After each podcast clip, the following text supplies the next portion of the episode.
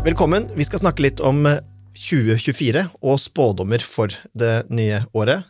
Det er jo en risikoøvelse, for hadde vi sittet her i fjor, så er det sikkert mange ting vi hadde undervurdert, og andre ting vi hadde overvurdert. Vi har jo lagt oss eh, bak et år som har, i Norge har vært preget, og internasjonalt har vært preget av økonomisk uro, krig og konflikt, eh, og så har det skjedd også veldig mange spennende ting, ikke minst innenfor AI og det store kappløpet blant de store aktørene. Og med meg i studio i dag så har jeg Emilie Nøss Vangen, som er da leder i TryDigg, Simen Kjær, som er leder for media og strategi i TryOpt, og Stine Sesseng, som er leder i TryRåd. Og dere har jo vært rundt og pratet med ulike kunder, lest ulike rapporter. Eh, det tror jeg dere hadde gjort uansett, men hva er mer nyttig enn å oppsummere dette i en podkast? Og så begynner vi først en liten runde. Hva var det mest spennende som skjedde i 2023, ut fra ditt perspektiv, eh, Emilie? Det er jo rart å svare noe annet enn AI på det. Det har jo vært noe som har kommet inn som en rakett i år, og definitivt har endret både måten vi tenker på oppgavene våre på jobb på, men også leveransene vi jobber med i markedsføring. Men hvordan er det, vi ser jo det på alle områder nå, at alle snakker om eh, AI. Og så ser vi at veldig mange ønsker å implementere det på ulike områder. Og dere som jobber jo veldig tett med teknologiske eh, løsninger, hva er det dere ser der som er eh, spennende, og som kunde bør tenke på? Vi ser jo at det er litt ulik grad av hvor raskt disse, disse teknolo teknologene eh, adopterer AI inn i løsningene og gjør det tilgjengelig for sluttbrukeren. Så, eh, men nå har vi kommet til et punkt hvor de aller fleste teknologiene man jobber med innenfor både markedsføring, salg og kundeservice, har en eller annen form for AI-funksjonalitet, eller det rulles ut til, til det, det, bredere. Så det har kanskje vært En av grunnene til at ikke alle har klart å adoptere det like kjapt, er at de teknologiene man bruker, de har ikke nødvendigvis fått det som en sånn native del av tjenestespekteret sitt helt enda, men det punktet begynner vi å komme til nå. Og over til deg, Simen. Eh, det området du eh, jobber med, som er eh, medieplanning og strategi. Hvordan har at, hvordan har dette året vært? AI er naturligvis en del av det, men det kan kanskje også være andre områder? Ja, det er helt riktig. AI er en del av det, men og, og, hva skal jeg si, for å fylle på litt, da, så er det klart at de akselerasjonene vi har sett i mediebildet tidligere år, har utspilt seg enda større i år. Vi ser fortsatt en enorm fragmentering. Eh, vi ser, vi som driver med medieplanlegging, ser jo også nå at eh, de forskjellige kanalene som var disse breddekanalene, begynner å, å ikke være så brede. Eh, vi ser lineær TV passer bedre for de over 40, mens en del digitale kanaler under 40. Så fragmentering er, er noe helt klart som, som, har pågått en stund, men som vi ser enda mer av, av i år. Men hva hvis du, når du setter deg inn i kundenes situasjon, eh, i forhold til det du sier der, hva er som er viktig for kunder å tenke på i dette mediebildet? Nettopp det at det, det blir så fragmentert? Nei, og det er jo det eh, vi snakker mye med kunder om. For dette, dette er jo, øh, hva skal man si, vanskelig og kostbart. For du må tilpasse innholdet ditt i mange kanaler. Eh, så det å ta kanalen eh, på øh, brukernes premisser er veldig viktig fremover. Eh, og, og, har vært. Så, så, det vi har sett i år, er kanskje en større grad av tilpassing innenfor kanalene eh, enn det vi har sett tidligere. Så, så det er egentlig en mer profesjonalisering da, innenfor denne fragmenteringen. Og Stine, du leder jo et eh, konsulentselskap i, Ytry, Try, eh, som jobber med mange brede problemstillinger innenfor kommunikasjon og markedsføring. Hvordan ser denne verden ut fra din side? vi ser jo det at når det er så mye som skjer rundt oss, enten om det er den fragmenteringen i mediehverdagen, det er nye AU-plattformer eller det rammebetingelsene som det setter spørsmålstegn ved, så har man et behov for å sikre en strategi som holder seg uh, over tid. En, en, konsistent og robust strategi, enten om det er på det forretningsstrategiske eller om det er uh, merkevaren. Eh, der ser vi at det er veldig mange kunder som er, og, det er, ser vi jo også effekten av. Disse som ikke klarer å beholde eh, eller ta imot konkurrenter som kommer fra siden nå uten egentlig noe særlig forvarsel, de taper eh, i det store og det hele. Men jeg snakket med en, en, kunde her om dagen som jo egentlig var litt optimistisk, for han mente at det blir mer spennende å drive med markedsføring framover. Fordi vi har, legger bak oss en periode hvor veldig mye har gått oppover. altså Norsk økonomi har vokst, eh, det har vært vekst år til år, og man kunne egentlig gjøre ganske lite markedsinnsats og likevel ha en ganske stor, stor suksess. Er dere enig i den vurderingen? Det var jo veldig optimistisk, men hvis det er en Er det en bra for faget. At liksom markedsføring blir i større grad en differensiator eh, enn det nå har vært de siste ti årene? Ja, det vil jeg jo si. Samtidig så ser vi jo at um, i 2023 og inn i 2024 så sliter selskaper fremdeles med uh, fragmentert kundedata, som henger veldig tett sammen med markedsføring og det å skulle um, koble det tett opp mot forretningsutviklingen for øvrig. Så hvis vi skal klare å fortsette veksten inn neste år, så er dette her med lojalitet, eh, CRM, databaser og den utnyttelsen på tvers av kanaler som, som Simen er inne på, kjempeviktig for at vi skal kunne fortsette den positive trenden. da. Men, men er det ikke nesten et slags poeng i seg selv på det? Nettopp at man i mange år kan ha gjort det ganske bra i markedet uten å koble markedsføringsstrategi til forretningsstrategi, eller la være å koble dataene og utnytte seg av det, ved at man på en måte Det har gått bra likevel, mens når det er litt uh, litt annerledes i økonomien, så må man nødt til å ta den type investeringer eller prioriteringer. Absolutt, og så ser vi at forventningene endres også. Man forventer jo en mer sømløs kundeopplevelse, for det har kommet noen aktører på banen som gir en veldig god kundeopplevelse, f.eks. Har veldig, veldig sømløse eh, opplevelser både fra, fra bestilling til hjem på dør eh, etc. Så jeg tror det også er et viktig, viktig poeng inn i akkurat det, den diskusjonen. Og eh, Simen, du har jo tidligere også snakket om, og det husker jeg engasjerte meg veldig, var jo nettopp at eh, det er eh, også når det regner at man skal satse på merkevarebygging. Eh, hvorfor det? Hva er hovedresonnementet? Nei, eh, først må jeg jo si denne kunden som er utelukkende positiv. Det er jo fint å være positiv og veldig spennende for oss som jobber med faget, uten tvil. Men jeg tror vi skal være litt forsiktige med å si at vi skal inn i et jubelår til neste år. Eh, det har vært rentemøte nå, den, den gikk opp, men, og vi ser jo på en måte en stabilisering i økonomien. Vi ser at folk er litt mindre negative til egen personlig økonomi. Eh, men eh, det blir i hvert fall et spennende år. Det er, det er jeg definitivt enig, enig i. Og når det gjelder da å investere i markedsføring og merkevarebygging, så handler det også litt om, om, om som du sier, grunnfundamentet her. Vi, vi, går over en tid, det har vært sånn en god stund, men, men mangelen nå fremover, det er jo konsumenter, egentlig. Det er veldig mange tilbydere.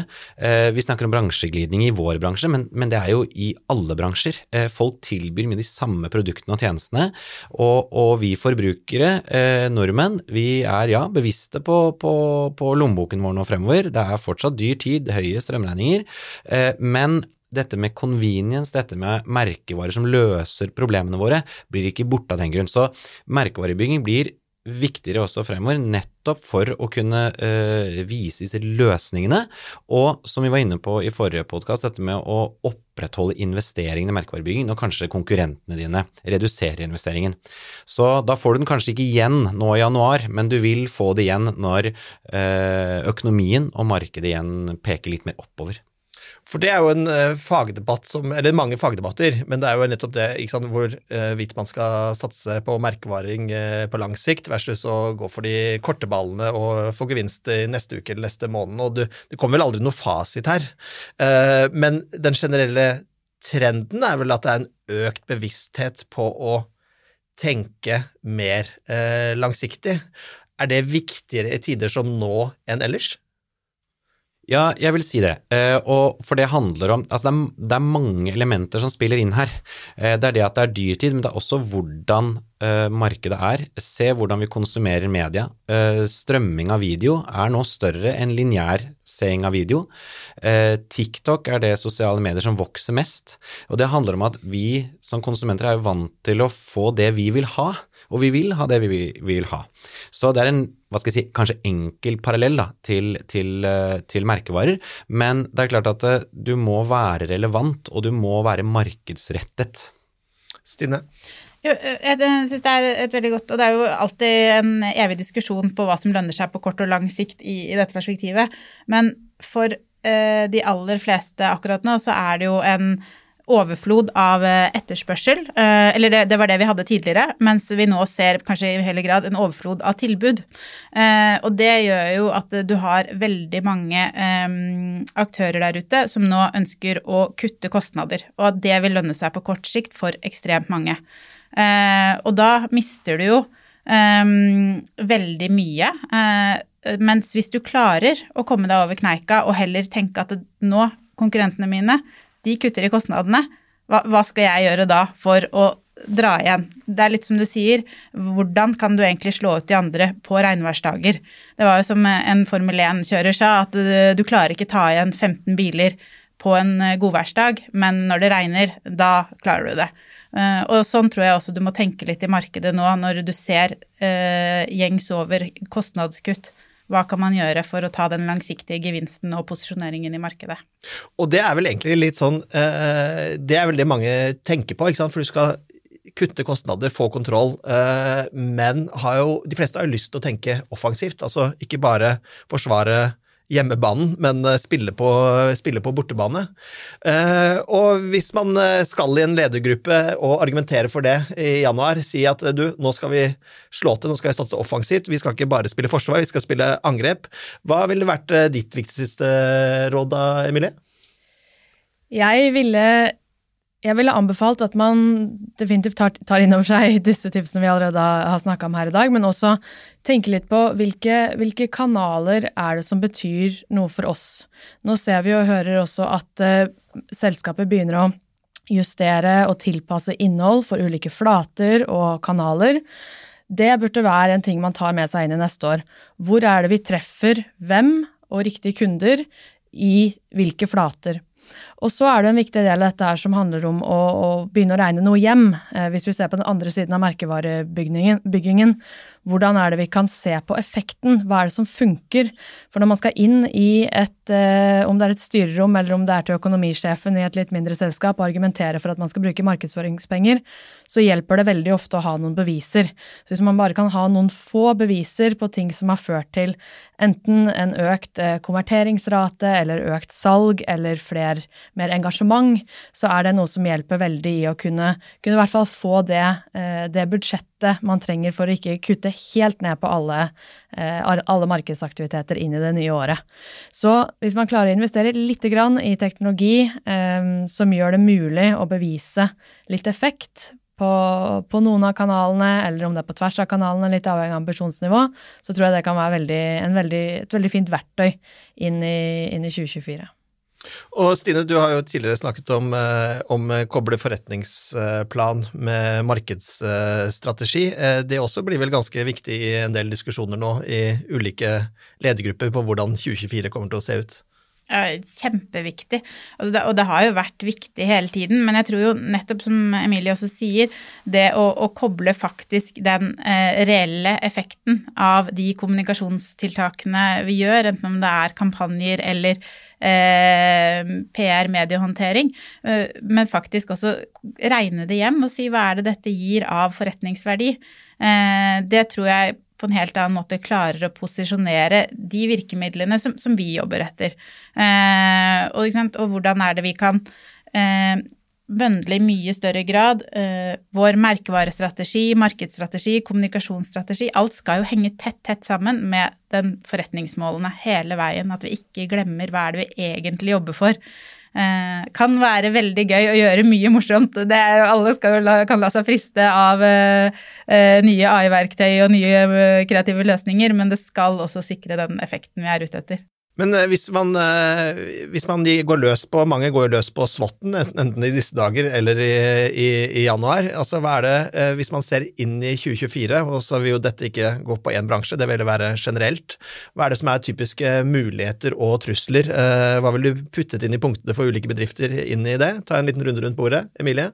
Jeg vil jo si en, en mulighet ligger jo i å utnytte kundedata som bedriftene allerede sitter på realiteten er at ekstremt mange bedrifter har blitt gode på å samle data, men ikke alle har blitt gode på å bruke det. Og så er det sånn at mange bedrifter har veldig lojale kunder, men man utnytter ikke selve potensialet som ligger i det. Så eh, jeg vil si at det å skulle ta en, ta en titt innover i, i databibliotekene, som vi kaller det, og se på hvordan er det vi kan enten lage kampanjer eller eh, gjøre noe spesielt for den lojale kundebasen vi har, eh, så, er, så, vet vi at det er billigere å, å, selge til eksisterende kunder enn det det er å, å få helt nye kunder. Det er, lavere, det er, en lavere, terskel, de vet allerede hvem vi er, etc. Så det vil definitivt være en, en mulighet hvis vi går på muligheter først. Simen?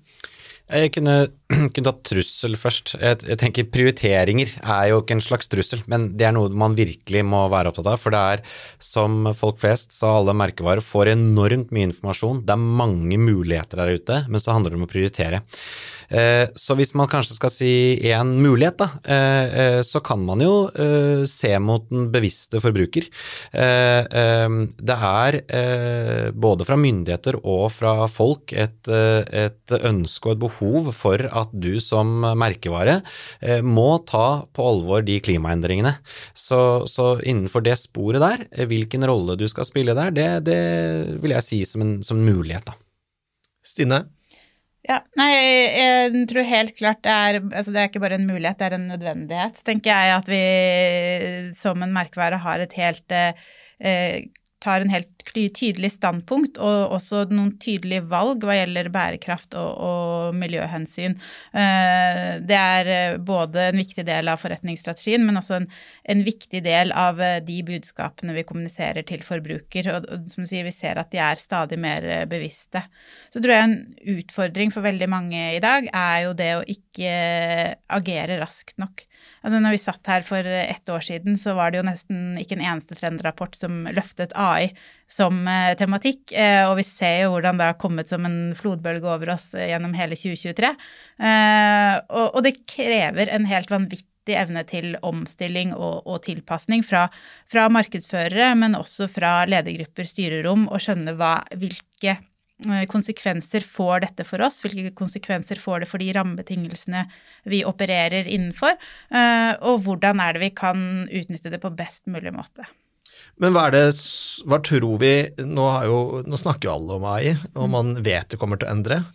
Hvordan er det, Hva er det generelle rådet på hvordan man skal forholde seg til AI? Eh, så er det, vil jo det være veldig ulikt om man er i en IT-bedrift eller om man driver med varehandel, men alle kommer jo til å forholde seg til det. Hvordan skal man tilnærme seg til det? For det å ha en sånn ferdig oppskrift 'dette gjelder meg', det høres jo litt eh, risikabelt ut. Og enda mer risikabelt er jo å si 'dette skal jeg ikke forholde meg til i det hele tatt'. Skal, hvor skal man starte tilnærmingen? Det tror jeg veldig mange lurer på. Hvor begynner jeg? Jeg tror, altså Helt banalt så kan man starte med en uh, trusler og muligheter. Fordi jeg tror AI kan være både en mulighet og en trussel. Avhengig av uh, selvfølgelig hvilken forretning man er innenfor, hva slags oppgaver det er man har i arbeidshverdagen osv. Men måten man eh, tilnærmer seg mulighetene, men også er klar over truslene, tror jeg kan være et, et fint sted å begynne. Og så tror jeg det handler litt om ufarliggjøring av ny teknologi. Fordi vi vet at mange selskaper klarer ikke å utnytte det fulle teknologiske potensialet på eh, mange vis. Eh, og det handler ofte om at det er en dørstokkmil, eller man vet ikke helt hvilken ende man skal begynne i, osv. Og det tror jeg litt samme gjelder AI. Nå var jeg litt inne på tidligere at AI begynner å bli tilgjengelig i verktøyene man bruker i arbeidshverdagen sin. Eh, alt fra liksom en e-post til en publikasjonsløsning. Så det vil, være, vil jeg anbefale som steg to. Liksom undersøk de mulighetene som ligger rett foran øynene dine i hverdagen, og ufarliggjør AI som en teknologi. Tusen takk. Eh, vi skal ha en siste runde, og det er jo at vi, vi, er, jo på, vi er, jo en del av et uh, tryhus hvor liksom det kreative uh, er uh, den viktigste DNA-en vi har. Og vi legger jo bak oss et turbulent år, men et veldig godt kreativt år, når man ser på liksom, oppmerksomheter mange av våre jobber har fått, både nasjonalt og internasjonalt. Jeg vil gjerne ha en liten runde på det. Hvor viktig er liksom det kreative eh, DNA-et, ikke minst oss, for oss i Try, men også det generelle, i et marked som er turbulent? Simen? Gjennomslagskraft, eh, tenker jeg. Det kreative bringer eh, gjennomslagskraft, som er så viktig. Eh, vi konsumerer så mye innhold hver eneste dag, hver eneste time. Altså det er, Se når du går rundt i bybildet eller sitter på T-banen, det er jo ingen som ikke er på mobiltelefon eller går med noe innhold i ørene. Så, så det kreative som et element i å, å skape gjennomslagskraft, definitivt kritisk. Stine? Helt enig, og det, ikke minst det unike. Og, jeg, og, så vil jeg også slå et slag for at det kreative kommer inn i så mange ulike deler av en eh, bedrift, virksomhet eller produkt. Sånn at det handler jo ikke bare om det å være kreativ i markedsføringen, men det handler jo også like mye om å se det kreative i hvilke I både pakketteringen og hvordan vi, vi fremstår med produkter og tjenester. Um, så, så, det er jo det som skiller uh, virksomheter som klarer seg godt i dag, og, og de som blir en, en del del av røkla. Emilie? Jeg er helt enig. Jeg tror det er alfa og omega å ha med seg det kreative. Og så ser vi jo, det har vært veldig spennende siste året, hvor vi ser at det kreative kan dras ut enda lenger, uh, enten ved bruk av AI, som vi har diskutert mye her i dag, eller andre, andre måter. Men, men det kreative DNA-et i bunnen er det som kan skille en merkevare fra en annen. Da ønsker jeg dere et uh, godt nyttår, og tusen takk for mange av eh, spådommene. Jeg tipper at ikke alle kommer til å være feil, og kanskje ikke heller alle riktig, men vi klarte å holde oss på trygg grunn, så veldig mye av det vil jo gjelde uansett som god råd. Men da hadde vi uansett en perfekt anledning til å snakke om det, og det handler om det nye året 2024. Gleder oss. Takk. Det er mye vi ikke vet om 2024. Men det vi vet, er at alle trenger faglig påfyll. Try kommer til å arrangere en rekke spennende kurs i løpet av året. Sjekk ut tilbudet vårt på try.no.